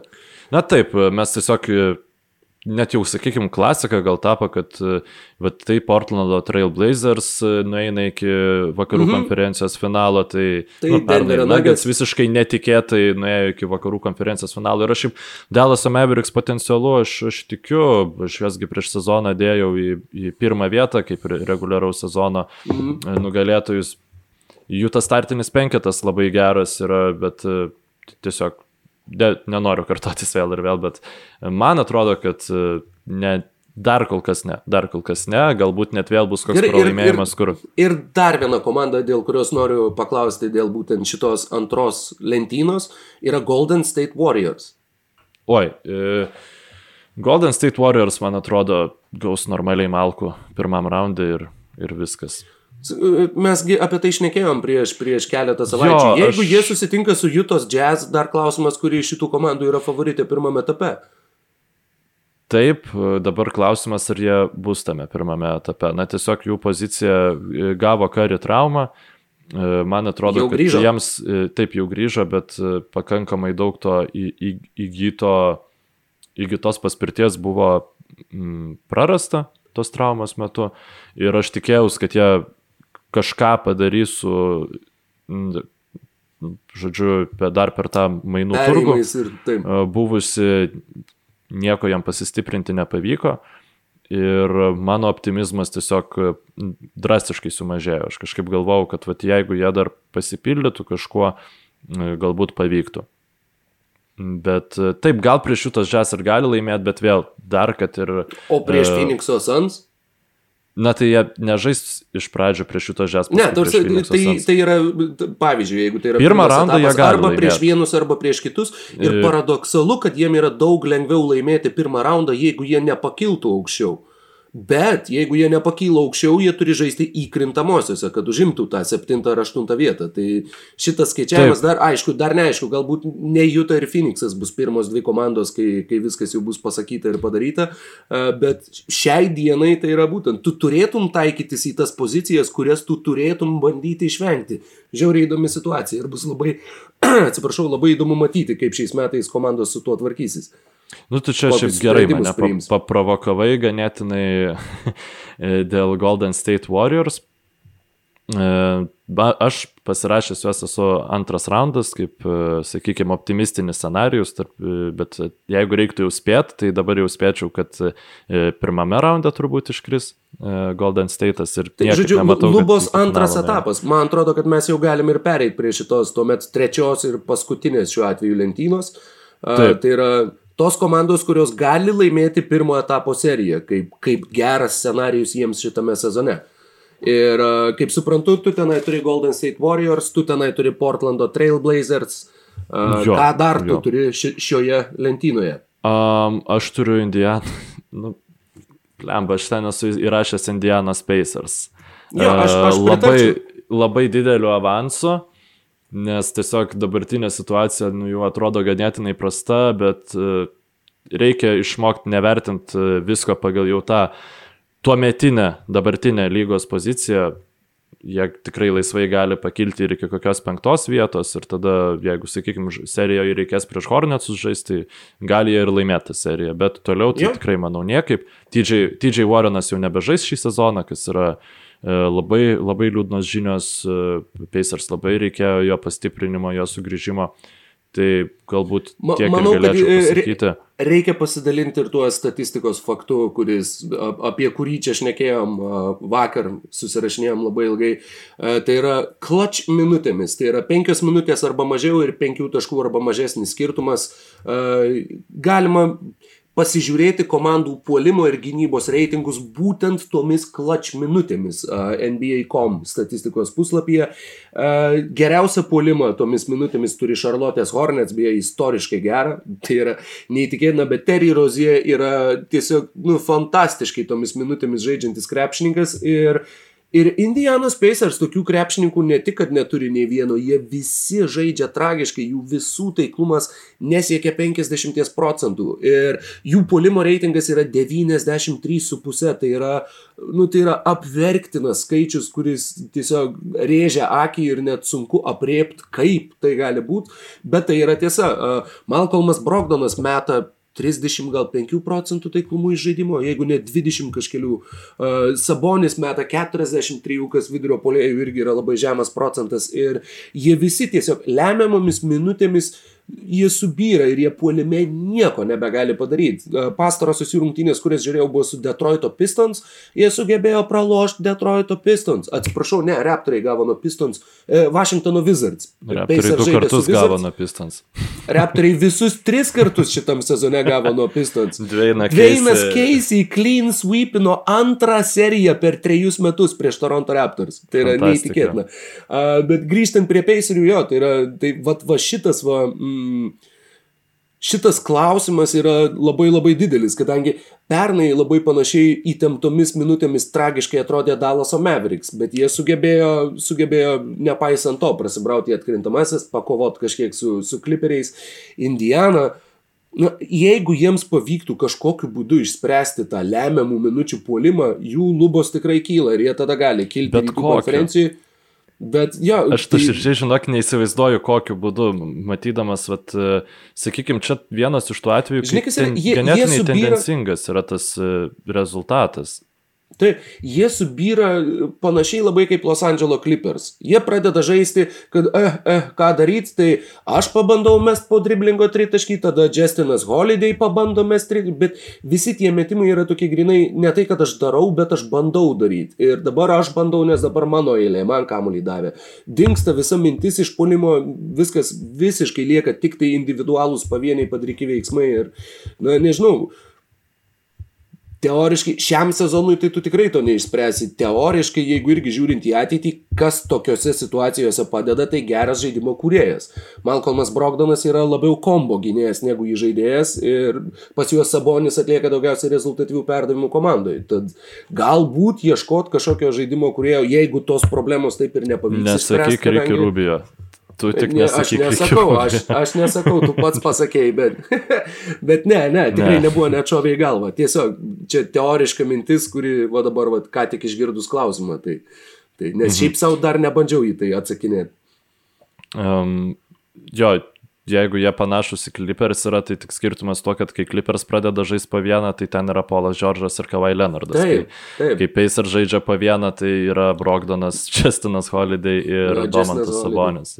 O kita komanda... Justinas atostoga. E, padėta šalia Indianos Pacers yra na, ir visiškai neironiškai yra Charlotte's Hornets. Tai Taip. šiek tiek labai nedaug skaičių apie vieną iš Charlotte's Hornets lyderių, tiksliau ne, ne vieną, o dabar jau vien, nu taip, vieną iš lyderių, lyderių. Terry Rozie. E, yra du krepšininkai šį sezoną metantis, trys krepšininkai metantis bent po 8 tritaškius per rungtynes ir tai darantis 40 arba didesnių procentų taiklumu. Tai be abejonės yra Stefas Kari, e, kuris išmeta po 11,5 ir tai daro 40 procentų, kas yra šiaip fenomenalu, turint omeny, kad jis žaidžia su Ubre, e, Wigginsu ir Dreymondu Greenu startiniam penketę. Tada kitas krepšininkas yra Zakas Lavinas, apie kurį e, aš jau kalbėjau irgi turbūt praėjusias dvi tinklalaidės. Ir trečias krepšininkas yra Terry Rozie, jisai išmeta po 8,1 tritišką per rungtynes, e, kas yra 11 rezultatas lygoje ir tai daro 42 procentų taiklumu. E, ko nedaro niekas iš už jį aukščiau esančių krepšininkų. Tai yra visiškai pribloškiantis dalykas ir jeigu mes prieš mėnesį ironiškai sakėm, kad galbūt Rozija kontraktas geresnis negu Kembos, nu dabar jau... Žinok, dabar tikrai jo, atrodo, kad šiuo metu tikrai žiauriai gerai toks krepšininkas būtų Bostono Celtics. Mm -hmm. kaip Terry Rozija. Jo, ir Terry Rozija, dar kalbant apie tos clutch pasirodymus, aš atsimenu uh, su Celtics, kai jie žygiavo iki konferencijos finalo, Rozija ten ne vienas rungtynes traukė pabaigomis, būtent tuo šaltakraujiškumu ir tritaškiais ir buvo ryškiausiai, aišku, įsiminė tos, kur Rozija pataikė likus šešiom sekundėm pergalingą, kas atrodė pergalingas metimas ir tada Middletonas iš aikštės vidurio iš pagavimo išlygino rezultatą, išplėšė pratesimą. Bet tas kadras irgi, nors įsiminė Middletono metimas, bet Terry Rozija metimas prieš tai buvo šalta kraujiškas, visiškai cold-blooded, fearless motherfucker, visiškai darantis nu, aukščiausių lygių tą žudimo veiksmą. Ir jisai dabar Šarlotai rodo, kad, kad tai nebuvo pavienis atvejis ir kad e, tai nėra Aizėja Tomaso istorija, o tai yra istorija, kuri tęsiasi toliau. Ir labai smagu tą matyti. Plus, iškrito Lamelo bolas, atrodo, jog, a, oh, nu va, jie labai gerai varė, bet iškrito Lamelo bolas. Jie dabar yra sužaidę penkerias rungtynės be lamelo ir laimėję ketverias, o penktos buvo tos tavo matytos tragiškos su pratesimų rungtynės prieš Phoenixą. Tad Taip. jų rezultatai tikrai geri ir jie, jie tikrai nekrenta žemyn dėl to, kad iškrito lamelo. Ir jo, jie, jie pakankamai realiai gali užimti ketvirtą vietą ir žiūrint į visus tuos uh, persekiotojus esančius žemiau. Jeigu jie žaistų su Miamiu, jie tikrai nebūtų favoritai mano akimis. Jeigu jie, jie žaistų su Bostonu, jie tikrai uh, irgi na, būtų, ne, nežinau, turbūt vis vieną prieš seriją spėčiau, kad Bostonas kažkaip sugebės susitvarkyti. Beje, Bet čia būtų, būtų serija. serija. Jo, aš irgi dabar tą pagalvojau. Uu, Kemba prieš Terry. Uu, eiktų savo, dabar noriu, kad Bostonas su Šarlotė žaistų pirmame etape. Bet žaidžiant su kitom komandom, kas Atlanta, New Yorkas, ar, ar ta pati Indiana, ar Chicago, jeigu sužaistų gerą seriją, Šarlotė turi visus šansus pasiekti antrą etapą konferencijos pusfinalį, kas, kas būtų didelis pasiekimas šitai komandai. Aš galvoju, kad jie pastarąjį kartą žaidė. Jie ten, man atrodo, vieną kartą apskritai tai yra žaidę konferenciją. Taip, su Stevenu Jacksonu ir Geraldu. Ai, ne, dar buvo, kai žaidė uh, Skemba Walkerio vedami prieš uh, Miami Heat, kur ten... Bet ten Kemba buvo pirmo etapo serija, 3-4 gavo. Taip, jie, Na, jie prieš Miami. Kaip jie gavo, jie, tai aš neatsimenu, bet. Su Kemba jie nenuėjo toliau pirmo etapo, jie 14 ir 16. Ne, tai kad, kad jie nenuėjo toliau gavo. pirmo etapo, tai be abejo, tikrai taip, bet ten buvo, nu, Kemba smagiai pasiūtė. Uh, šiaip ten nereikia. Yra keturi, galvot... keturi kartai, kad būtumėm tiksliai, va, atsakytumėm savo į šitą klausimą. 93, 98, Du pirmais ir du antrais. Šarlotės Hornets žaidė antrame atkrintamųjų varžybų etape, o daugiau, daugiau niekada ir toliau irgi nežaidė niekada. Aišku, jeigu reiktų spėti, aš visiems spėčiau, kad nežengsi į tą antrą etapą, bet pakankamai reali galimybė, kad jie gali žengti. Kita komanda, kuri turi pakankamai realią galimybę pas mane yra Bostono Celtics ir dar kita yra uh, Golden State Warriors. Žodžiu, Warriors argumentas tas pats galioja kaip ir tavo išsakytas su Luka Dončičium. 90 procentų serijų, kuriuose žais Golden State Warriors, jie turės geriausią krepšininką, tai nu, viską gali nutikti. O Bostono Celtics Teitumas, Braunas, na jeigu jie bus sveiki, tai yra ir gerai žaidžiantis, ir gerą formą turintys krepšininkai. Tik tai Forma tai teitumo, ne, teitumo labai labai po COVID, žiauriai krito trauma ir tai yra viena iš priežasčių, kodėl jų sezonas toks prastas šiuo metu. Uh, kadangi Teitumo krito labai skaičiai, jis pats kalbėjo apie tai, kad jis greičiau padūsta, greičiau pavarksta ir, ir jo tikrai statistika krito, aš jį turiu vienoje iš fantasy lygų, tai tikrai galiu paliudyti. Formą, šiuo, formą šiuo atveju redukavau iki, iki nu, reguliaraus sezono, o ne šiaip žaidėjo statuso, bet taip, jeigu kalbėt apie pastarąją, tai labai ačiū Rokiai už patikslinimą, tikrai, um, na, kritus. Yra, bet e, atsigauna pastarosiuose rungtynėse 34 taškai, tai tikėkime, kad e, teitumą matysim atkrintamosiose tokį, kokį mes norim jį matyti. Ir jeigu jis ten bus toksai, tai neabejotinai pirmą raundą peržengs. Bet prieš geriausius gynybos... Susidurs, žiūrint, nu, aš tikiuosi, žinau, kad jie vis dėlto pakils iki ketvirtos-penktos vietos. Mm. Jeigu Pamatyk, dabar... Rytų konferencijoje plus yra va tas būtent, kur lubos yra antras etapas, Tai mes kalbam apie visas komandas, kurios gali pakilti iki ketvirtos, penktos, o tada jau gali kapotis ir gali tą vieną seriją laimėti. Jokių kitų atvejų. Kitos trys komandos na, užtikrintai pasims pirmos, pirmo etapo serijas. Ir kalbant apie tas, kurios gali pasiekti antrą etapą, aš tarptų komandų įtraukčiau, nors iš esmės tai yra visos. Tai yra ir Niksai, ir Hawksai, ir Paceriai, ir man bent jau mano akimis, bet sakau, jiems reikia greitai atrast va, tą savo žaidimą, bet aš manau, kad jie sudėtyje turi potencialo tapti tą komandą, yra Chicago's Bulls. Jeigu jie greitai sugeba, kadangi dabar kol kas jie turi keturis pralaimėjimus iš eilės, du iš jų su Vučevičium. Ir, ir šiaip siaubingai atrodė jie prieš San Antonijaus Spars, jie atrodė e, Vučevičius su Markinenu atkrintamosiose neturėtų žaisti ne vienos minutės no, ne, kartu aikštėje, nes tikrai uh, India, uh, Bulls buvo ganėtinai greitą krepšinį žaidžianti komanda, su Vučevičium tu jo nepažaisi. Uh, ir kažkaip galbūt ta pirminė mūsų analizė atlikta buvo netiksli tuo klausimu, kad šiaip Jangas geriausius savo minutės už Čikagos Bulls žaisdavo būtent kaip vidurio polėjas. Ne kaip pagalbinis mhm. sunkusis mhm. kraštas, kurį mes esame pratę matyti toje pozicijoje um, kitose komandose. Ir, na, dabar vat, pas pastarosius rungtynės buvo jisai jau, jau treneris starto penketę išleido Vučevičių kartu su Jangu. Na, dar labai daug reikia apsišlifuoti ir aš tiesiog nemanau, kad užteks tiek reguliaraus sezono mačų Čikagos bus, kad jie ir apsišlifuotų, ir pakiltų į reikiamą poziciją. Jo, plius atsižvelgiant į tai, kad, jo, kad tu, tu nu, faktiškai galim sakyti, tu neturi treniruočių šitam sezonui. Realiai šitas sezonas yra toks. NBA nėra treniruočių faktiškai. Tai jo, tau šlifuotis vien tik tai, žinai, izoliuotiem atskiruose viešbučio kambariuose per, ten, per, per Zoomą ar per kokį kitokį, žinai, konferencinį skambutį, nu, tu neprišlifuosi tiek, kad tai taptų pergalėm. Bet sakau, būtent dėl sudėties potencialo, man atrodo, kad jie galėtų tapti tą komandą, tačiau taip, aš, aš pritariu, kad tam yra labai labai maža tikimybė. Ta bus padaryti žiauriai sunku. Jo, ir tiesiog trūksta gerai besiginančių gynėjų Čikagai. Tai tikrai, jo, jo, oi. tų, kurie ne, galėtų nei, per užtvaras prabėgti. Geras tas jo, templas teoriškai, bet ne, jisai bet tai dabar. Jie turi, supranti, jie dar, kas yra problema, jie turi pakankamai daug vidutiniško lygio krepšininkų.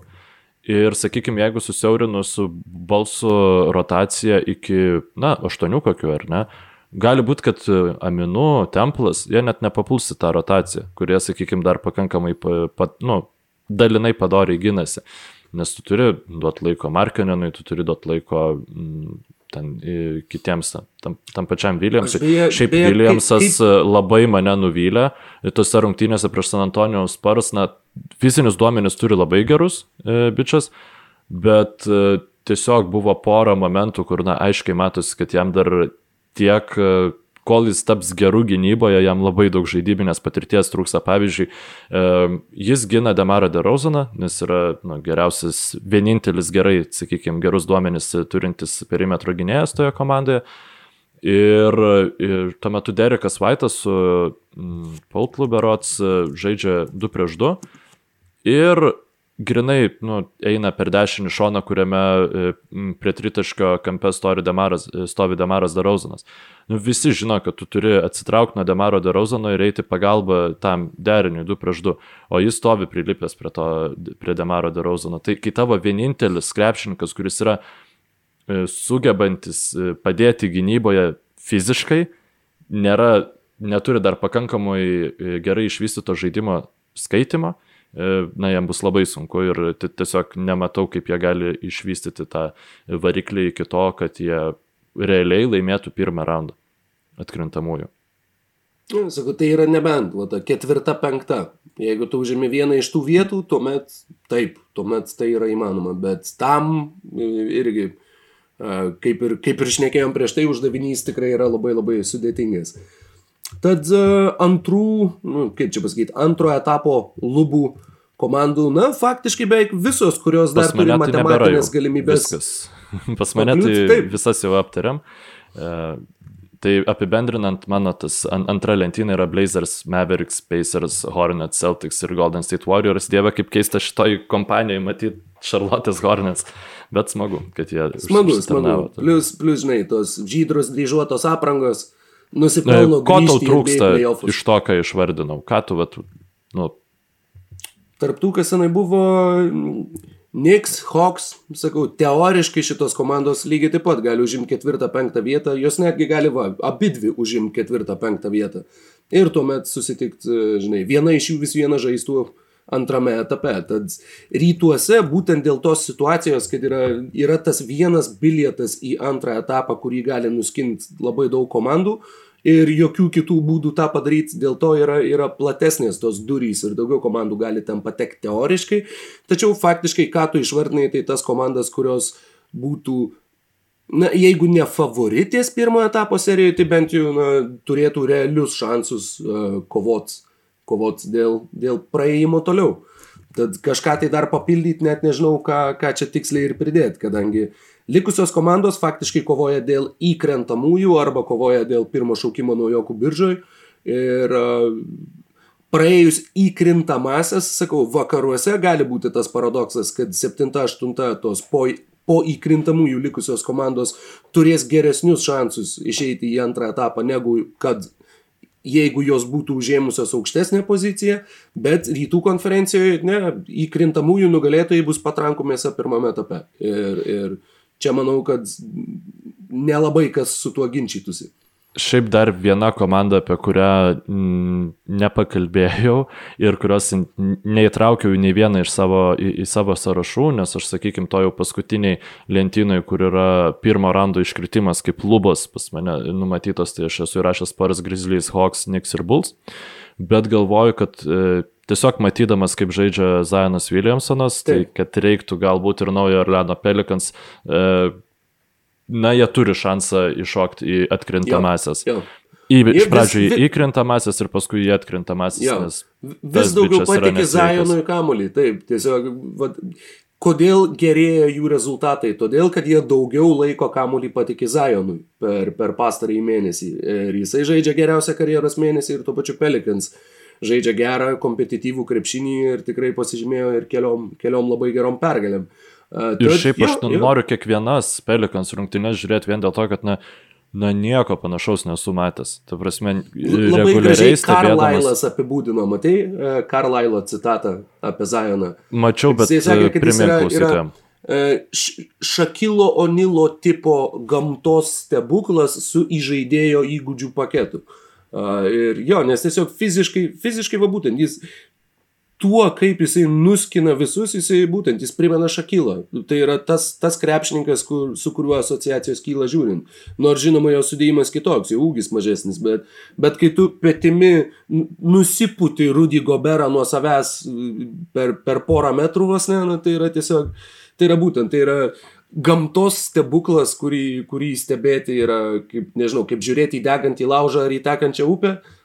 Ir tas grakštumas, kaip jisai su tuo kamoliu elgesi, na, tikrai yra labai įspūdingas, daug kalbėta apie Zajoną yra, bet tiesiog taip ne, neapsvarščiau prieš tinklalaidą naujo Arleno Pelikans, bet e, matydamas tiesiog pastaruoju metu, kaip jie žaidžia, galvoju, kad na, visko gali būti. Ten irgi e, vienu pralaimėjimu tik tai daugiau turi negu tie patys Golden State Warriors. Tai, Sacramento žinai, Kings turi penkias pergalės iš eilės. Šiaip jo, žaidžia jie pakankamai gerą krepšinį, bet na, labai minimaliai man tenka jų matyti, tai tiesiog vien tas statistinė išraišką pasikliaut kažkaip ir nesinorėtų prognozuojant. Ja, šiaip man, manau, kad jų lubos gal netgi yra ir atskiras, ta jau po lentyną, kur pakištos knygos, kad lentyna stabiliai stovėtų, žinai.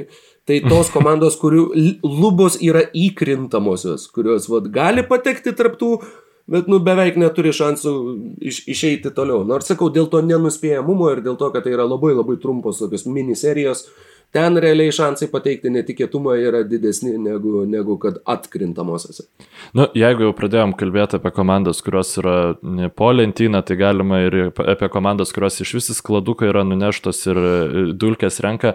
E, tiesiog per visas šitas e, aktualijas, kurių pastaro, pastarosiom savaitėm buvo ganėtinai daug, vis net neradau progos tiesiog pakalbėti apie nau, naujo trenerio įkvėpimą Minnesotas Timberwolves komandai. Na, jų rezu, nėra geri Timberwolves rezultatai, bet tiesiog tos rungtynės, kai uh, pamačiau, kaip sužaidė Edwardsas ir Townsas, kad abu pelnė po 40 Aha. plus taškų prieš Phoenix'o Suns, plus norėjau pamatyti daugiau Phoenix'o Suns krepšinio, tai įsijungiau įrašą pasižiūrėti ir nežinau, kas žaidžia uh, e, NBA. Uh, e, va, tuos naujesnius, kur jau yra tas išsamesnis, play, jo, NBA 2K, kur yra išsamesnis playbookas, tai aš tai pirmą kartą labai aiškiai aikštėje pamačiau tą two-man e, žaidimo stilių atakavimą, nes yra e, two-man attack, žodžiu, gali pasirinkti ir tada e, kairiai arba dešiniai e, aikštelės pusėje yra vidurio polėjas dažniausiai ir tavo žvaigždė gynėjas ir tada jau visi kiti šonė stovi, absoliučiai nieko nedaro, nei kažkokių ten prabėgimų, nei nieko. Tai tose rungtynėse grinai taip ir buvo žaidžiama. Edvardsas su Townsu tiesiog darė visus taškus. Ir buvo labai įdomu ir intrigavo, nu, tiesiog tikrai suintrigavo mane Minnesotos Timberwolves perspektyvas ateityje, nes uh, sakykime, akivaizdžiai ne, treneris ne, mato. Aš, aš, aš įspėju, aš įspėju, žinok, neužsikabink, ne, ne, neužsikabink. Komanda okay. su, su Ricky Rubio, Zeku Lavinu, Andrew Wigginsu, Kevinu Garnetu ir Karl Anthony Townsu buvo va, ta, ta akimirka, kur buvo, ei, čia visai, blemba, ei, bus įdomu žiūrėti, kas čia bus ir kur, ne, nebuvo įdomu, čia Timberwolves, jie, jie sumals mėšlą, jie vis tiek padarys, kad būtų blogai. Tai, Jo, tai sakau, per nelyg neinvestuok savo emocijų į tą komandą ir neprisirišk prie jos. Nepasitik, tiesiog pasitikėkit e, manim klausytojai, kad buvo smagios rungtynės ir mm. nebandykite daugiau jų užgaudyti, tiesiog Timberwolves gal palikim kitam. Ne, Timberwolves žiūrėti galima, bet sakau, užsikabinti ir galvoti, kad ei, noriu sekti, kaip jų karjeros seksis toliau. Na, beje, žiūrėjau ne, ne šią, o dar praeitą naktį Bulls prieš Warriors. Ir buvo toks, wow, žiūri ir kaip Andrew Vigginsas Zeką Laviną dengia. Ir vat, būtent į tą, sakykime, į tą laikotarpį nukėlė atsiminimai, kad, va, žiūrėk, jo, jie, jie buvo kartu ir atrodė, kad iš jų kažkas gali būti, o dabar jie visai kitose komandose ir, ir iš jų kažkas yra, bet irgi. Bet irgi. Su ta nostalgiška uh, gaida šią tinklalaidą mes ir pabaigsim. Ačiū, kad uh, klausote mūsų. Ačiū patronams, kurie remia visą Basket News LT projektą. Ir žinau, likite tada pasveikinti, kaip čia reikėtų. Ei, visai geras. Gražiai. Ir susiklausysim kitą savaitę. Rocky. Likite pasveikinti. Laimingai.